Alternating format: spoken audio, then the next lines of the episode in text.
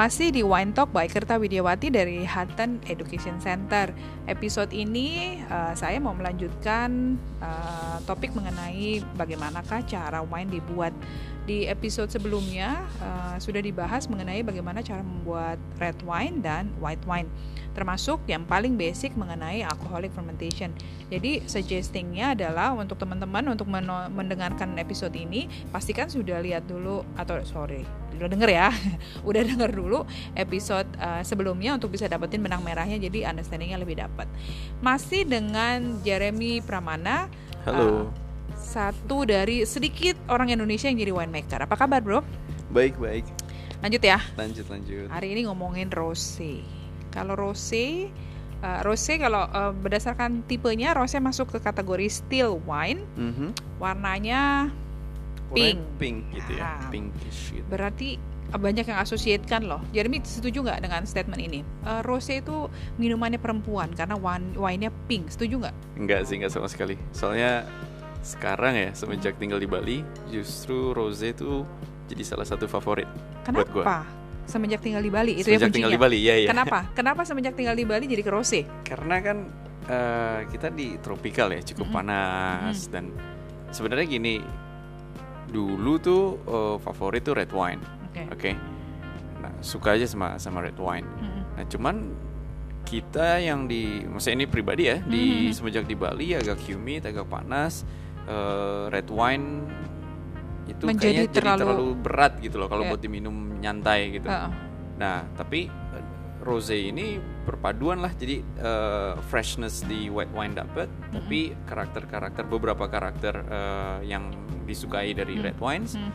juga ada gitu. Jadi uh, seru sih, maksudnya enak aja gitu minum okay. minum rose di sini. Jadi terutama salah satu yang uh, menentukan lah ngasih decision kita untuk kita minum apa tuh salah satunya environment ya. Itu yeah, kuat yeah. banget ya. Jadi kayak tadi uh, Jeremy bilang kalau kita di Bali nongkrongnya di pantai. Nongkrong di pantai minum red wine sore-sore sunset uh terlalu gerah gitu ya maksudnya. iya, iya, betul. udah panas udah gitu full body uh, ada taninnya uh, nggak terlalu cocok nggak nggak dapetin refreshingnya. Sementara kalau white itu udah ketahuan lah ya udah pasti cocok juga. Cocok tapi ternyata juga, gitu. Cuman karena uh, backgroundnya gue itu demen red wine. Mm -hmm. Jadi rose itu kayak ya red wine tapi yang lebih fresh gitu okay. kan, masih okay. lebih Alright, kita akan bahas. Seger, gitu. Kita bahas ya, uh, bagaimana tadi rasa segar tapi masih ada kara agak apa namanya sih ada beberapa elemen dari red wine yang juga muncul. Kalau bikin red wine kan anggurnya dari bahannya dari anggur warna merah. Hmm, kalau hmm. bikin white wine bahan dasarnya anggur dari warna putih. Hmm. Nah kalau rose kan warnanya pink, hmm. berarti bahan dasarnya anggur warna pink. ya, sebenarnya ya kan dibagi dua ya kita mm. bagi cuman dua aja mm. uh, white grapes sama red grapes kan. Mm. Uh, jadi anggur ya, merah, grapes, ya anggur yang sama merah putih atau gitu. uh, putih gitu kan, mm. atau anggur yang hitam sama yang putih.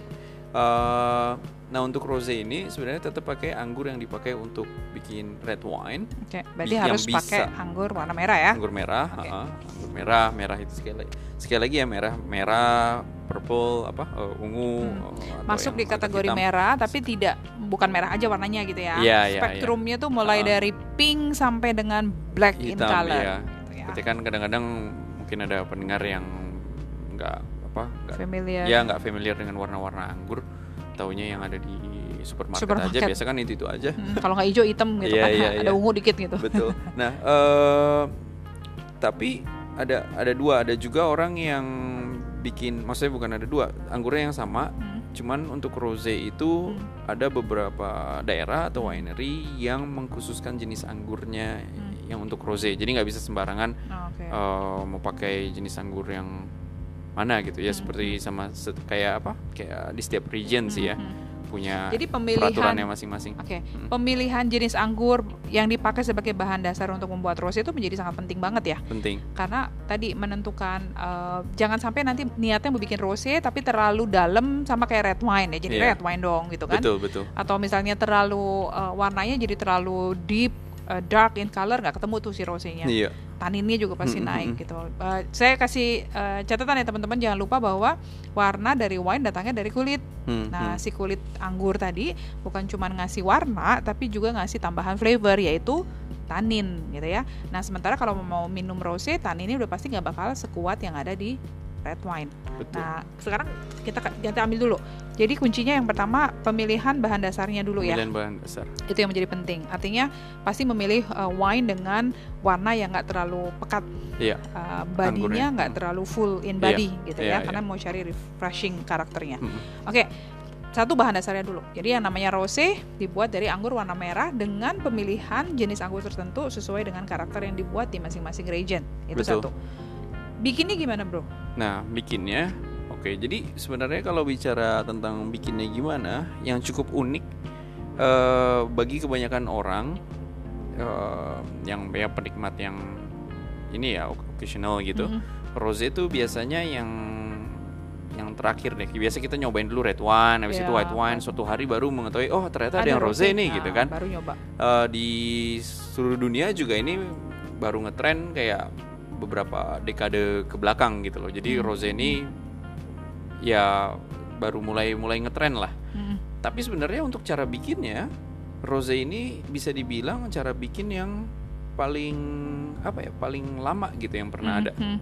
Karena pada zaman dulu waktu orang bikin wine, misalnya red wine, ini kan zaman dulu masih diinjek-injek tuh. Iya benar. Nah injek-injek berarti kan Liquidnya. kita harvest, Hmm. kita injek-injek, langsung press, Hmm. langsung dapet tuh eh, jusnya. Itu yang difermentasi, kulitnya Hmm. terpisah. Oke. Nah, karena diinjek-injek kan prosesnya juga agak lama, terus eh, press juga dari Hmm. itu kan terpress gitu ya, ada ha. tekanan, ada berarti ada warna yang eh, bleeding gitu loh Hmm, dari hmm, dari apa? Dari si anggurnya Hmm. itu. Ya kalau kalau mau ngebayangin biar gampang bayanginnya sama aja kayak kita meres santan deh gitu ya. Iya, iya. Nah kalau meres santan kenceng pa- apa pakai tenaga gitu pakai tangan gitu tapi meresnya kenceng banget ya pasti kan santannya lebih banyak keluar Iya. gitu ya sarinya Walaupun gue nggak bisa bayangin, nggak pernah meresan. nggak pernah meres santan ya. Iya, iya. Buat viewer apa namanya listener yang sudah kalau kalau kita yang ini pasti pada tahu hmm, Iya, meres Kalau ya. gue bayang, bayangin meres santan malah nggak eh, kebayang. itu bedanya winemaker sama ibu rumah tangga ya saudara-saudara.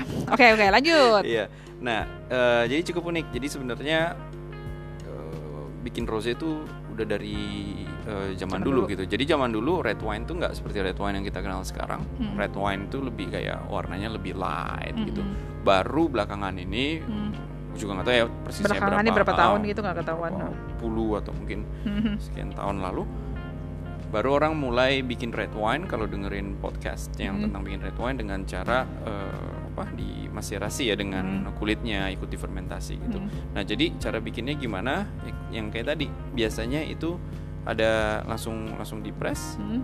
kita langsung Jadi dapat anggur di crushing, crushing langsung press gitu ya. Iya sebenarnya ada ada tiga caranya. Pertama yang pertama yang em, itu dengan cara skin contact atau yang yang tadi yang di di press. Jadi kita eh, press anggurnya di crushing dulu, ah. habis crushing masih Crushing. ketemu dengan kulitnya, masih dengan kulitnya didiemin Didiemin bentar. didiemin bentar, didiemin biar bentar, dapetin warnanya. dapetin warna, baru kita baru press. kita eh ya baru Di baru press. kita press gitu Ya, ya. ya. Set selesai.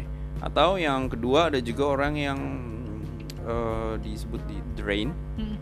di drain atau suka biasa di label-label wine kadang-kadang itu uh, senye gitu ya Mhm. Uh, metode senye senye Mhm. saikne gitu tulisannya Uh, kalau yang senye ini adalah setelah di biasa bisa di crush, Crush. uh-uh, itu udah langsung kan keluar tuh kayak uh, jus yang pertama dia masih bening karena anggaplah uh, anggur tuh baru baru pecah Mm-mm. jadi belum bleeding. ada kontak sama Ah. skin Hmm. itu baru tetesan-tetesan yang pertama Hmm. itu yang langsung diambil. Nah itu warnanya eh, cukup bening gitu loh. Oke. Nah itu yang Tidak tidak, semerah red wine-nya. semerah. Jadi di sini nggak nggak terlalu ada skin contact. Ya. Mm, mm. Nah eh, terus kan pertanyaannya, berarti tadi yang skin contact bisa aja dong warnanya jadi Lebih gelap gelap, atau yang nggak skin contact malah jadi terang. Hmm. Sebenarnya nggak juga. Kebanyakan orang yang pakai eh, skin contact karena mereka memilih jenis anggur, Hmm. Anggur. merah yang Oke. warnanya cukup muda. Mm, Eh, misalnya kayak apa kayak Grenache gitu ya. mm. Sedangkan ada juga orang yang ambil kayak tetesan pertamanya itu Hmm. yang metode C-nya Mm. itu dari jenis-jenis anggur. Senye sama kuve sama gak sih? Kalau bisa dibilang eh, C-nya itu metodenya ya sama ya Oh, kalau kalau oke. cuvée juga kalau kita bilang ini jus dari cuvée berarti Hmm. ya jus yang ada di first pressing eh, gitu ya. Iya iya bu, eh, di di apa di tanknya gitu loh Iya. belum sebelum di press jadi itu Oke. biasanya dipisahin antara press juice sama Hmm. yang cuvee cuvee Oke. itu yang dari awal memang udah ada gitu loh Udah drain duluan. Iya udah udah duluan setelah baru se- se- sekian lama Hmm. baru di press kan Oke. nah eh, kalau yang C-nya tadi atau yang eh, ya yang Saya tadi ya, lah. yang C-nya tadi eh, itu anggurnya kadang-kadang mereka pilih dari anggur yang memang eh, untuk dedicated untuk red wine. Oh, tapi Gitu. mau dibikin Mau dibikin rosé style. rosé, jadi bikin rosé style gitulah. Oke. Eh, ada lagi yang ketiga, Mm-mm. ini yang paling jarang Hmm. dan mungkin di beberapa daerah eh, terlarang gitu ya. Hmm. Wih, terlarang. bahasanya terlarang. Wine terlarang, Eh, men. kayak nggak boleh lah gitu. Oke. Nah itu dengan cara nyampur eh, wine putih dan wine merah gitu. Hmm.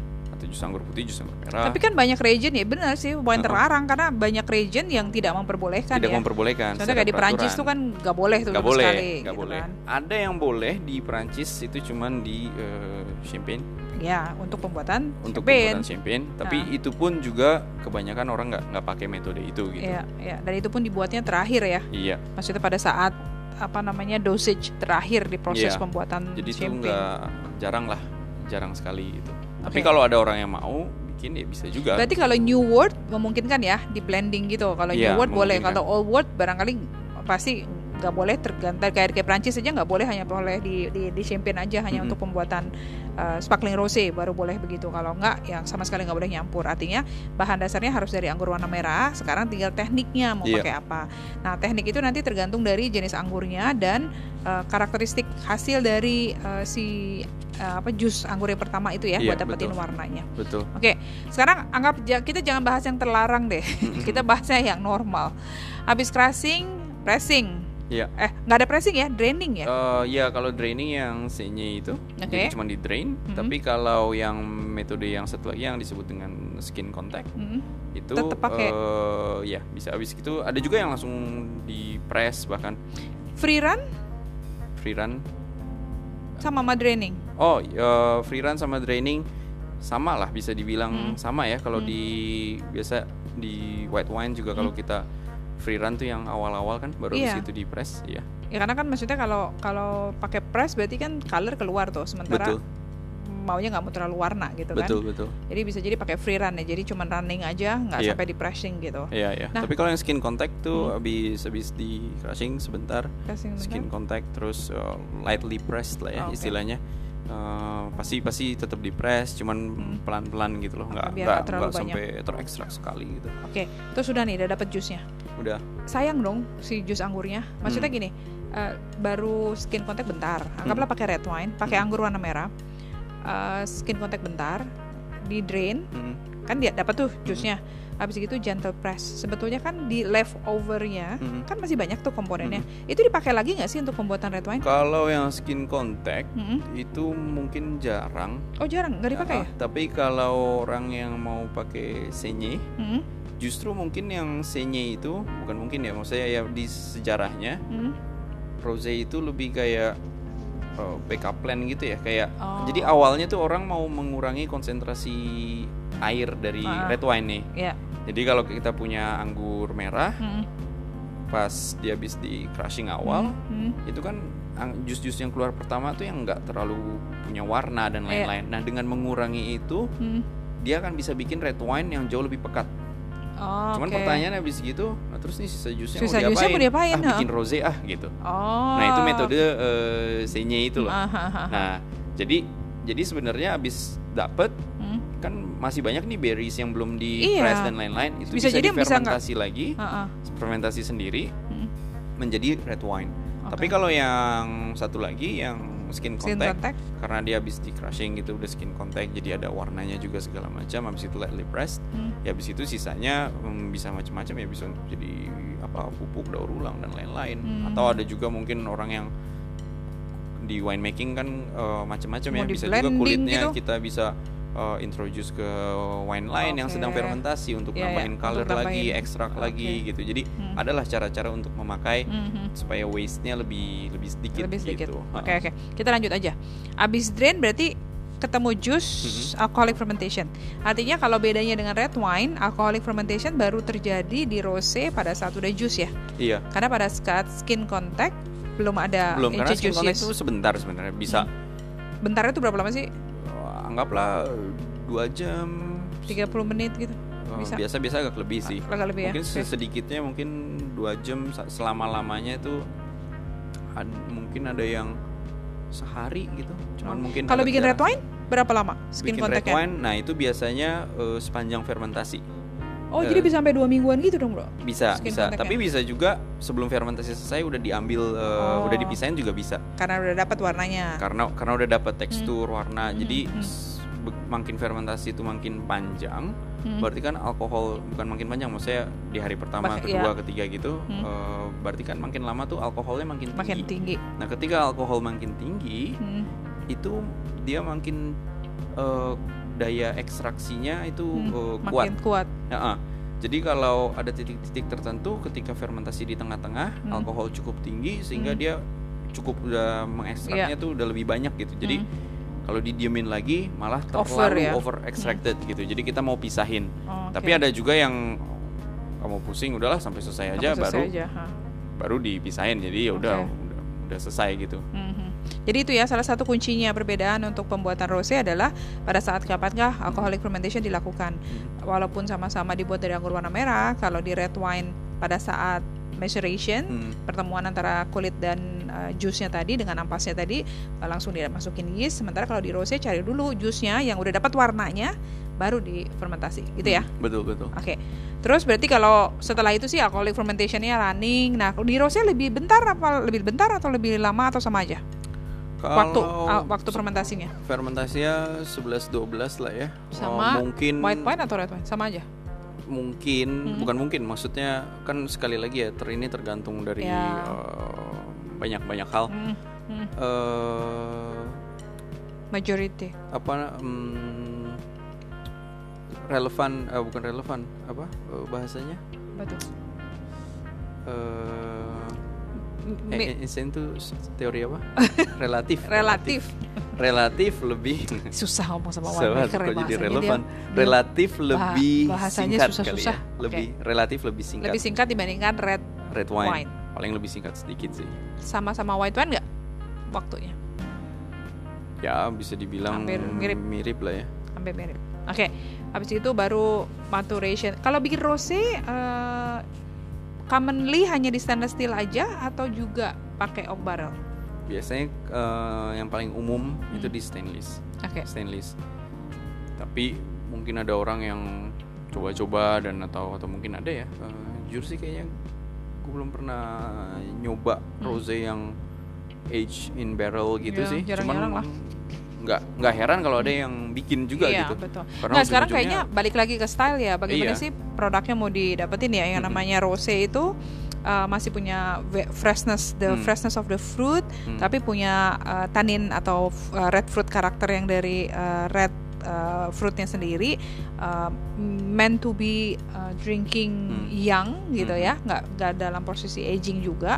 Malah kalau wine kan makin lama disimpan warnanya berubah ya, Jeremy ya. iya iya itu warna yang berubah. membuat warnanya berubah karena influence dari sekitarnya, Mhm. temperatur lah atau cahaya dan segala macam atau kandungan yang ada di dalam wine ya sih sebenarnya. terutama tuh kalau berubah karena influence dari sekitarnya Mhm. pasti ada ada juga peran di dalamnya ya maksudnya karena ujung-ujungnya warna itu sendiri kan Mhm. asalnya dari eh, apa komponen yang memang Ya. udah ada di wine-nya tapi Mhm. itu akan mulai berubah ketika ada oksigen atau ketika mulai ada perubahan temperatur gitu ya. ha. dan lain-lain dan temperatur rose warnanya cukup rentan karena dia nggak nggak pekat gitu jadi perubahan warnanya tuh kelihatan Iya, sekali lebih cepet kelihatan lah. warna. lebih lebih cepet biasa kalau kita bikin rose itu awal-awal warnanya kayak anggaplah pink gitu ya kayak uh, very soft Hmm, itu hmm. lama-lama bisa jadi agak hiunya agak orange, Orange gitu sebenarnya nggak nggak nggak apa-apa itu cuman Hmm. menandakan uh, Age- waktu ya waktu aja. yang ya yang sudah dilewati oleh si Hmm, wine itu gitu Cuman secara ekspektasi kita maunya uh, as fresh as possible untuk minum rose kan sebetulnya begitu ya. Iya, walaupun habis gitu kita minum white wine juga ada kan yang pakai oak Iya. dan ada juga yang white wine yang di aging cukup Hmm. lama dan lain-lain. Hmm, hmm, Uh, tapi rose ya belum belum pernah sih nyo- nyobain Oke, mungkin nyob- mungkin ada common- gitu ya. uh, commonly pakai stainless steel aja Iya. karena dia mau retain the freshness of the fruit karakter yang ada di dalam jusnya ya jadi jarang banget yang pakai oak barrel walaupun mungkin ada yang bikin tapi Mhm, mhm. nggak nggak terlalu common lah ya gitu ya. Betul. terus proses lainnya sama aja ya berarti ya maturation Sama aja. stabilisasi filter bottling segala macam itu semuanya prosesnya sama Betul, kayak sama, pembuatan aja, sama kayak red wine dan atau atau white wine. Oke, Mhm. berarti sekarang karena Jeremy lagi di Bali dan switch over ke rose, Mhm. eh, rose dari mana yang paling senang? kan pasti beda dong Iya, karakteristiknya. iya, iya, rose iya. dari Prancis, dari Australia, dari Bali, Betul betul. eh, pasti beda. Nah sekarang lagi, lagi suka minum rose dari mana? Ya kalau sekarang lagi suka dari minum rose dari mana? eh ya karena akses paling gampangnya juga ambil rose yang ada di kantor ya. Huh, ketahuan.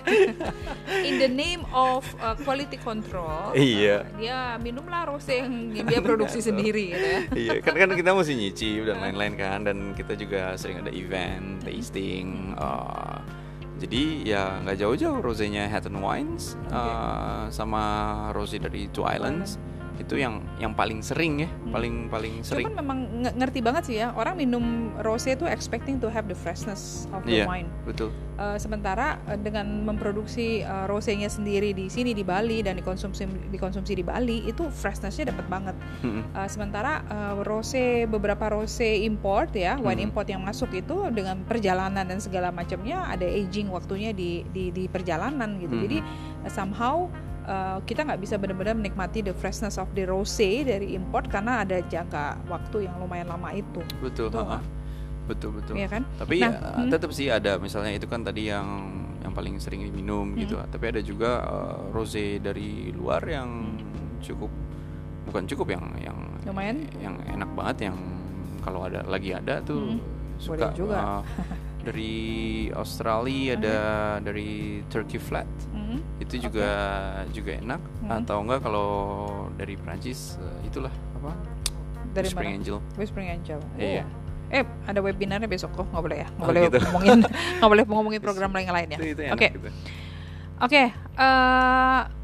Oh, tambahan lagi nih, yang namanya rose kita udah coba pairing dengan banyak hal ya. Jadi kalau Hmm. wine food pairing, eh, rose itu jadi salah satu yang lumayan paling banyak cocok sama makanan Indonesia. Mhm. gitu jadi itu uh, menarik banget jadi kayak contohnya combination antara uh, nasi goreng sama rose kemarin baru nyoba Ah, nyobain baru gitu ya, nyoba-nyoba wine pairing gitu. pairing. uh, ternyata dapat banget gitu Oke. biasanya kan kita uh, atau biasanya kind of vegetable tinggi gitu Ah. itu bisa masuk goes very well juga di di rose Mhm. jadi salah satu uh, minuman yang lumayan aman lah kalau mau di pairing hampir dengan semua makanan Indonesia ya salah satunya rose, Rose. itu itu menarik. Sampai ke Hmm. soto. Oh ya?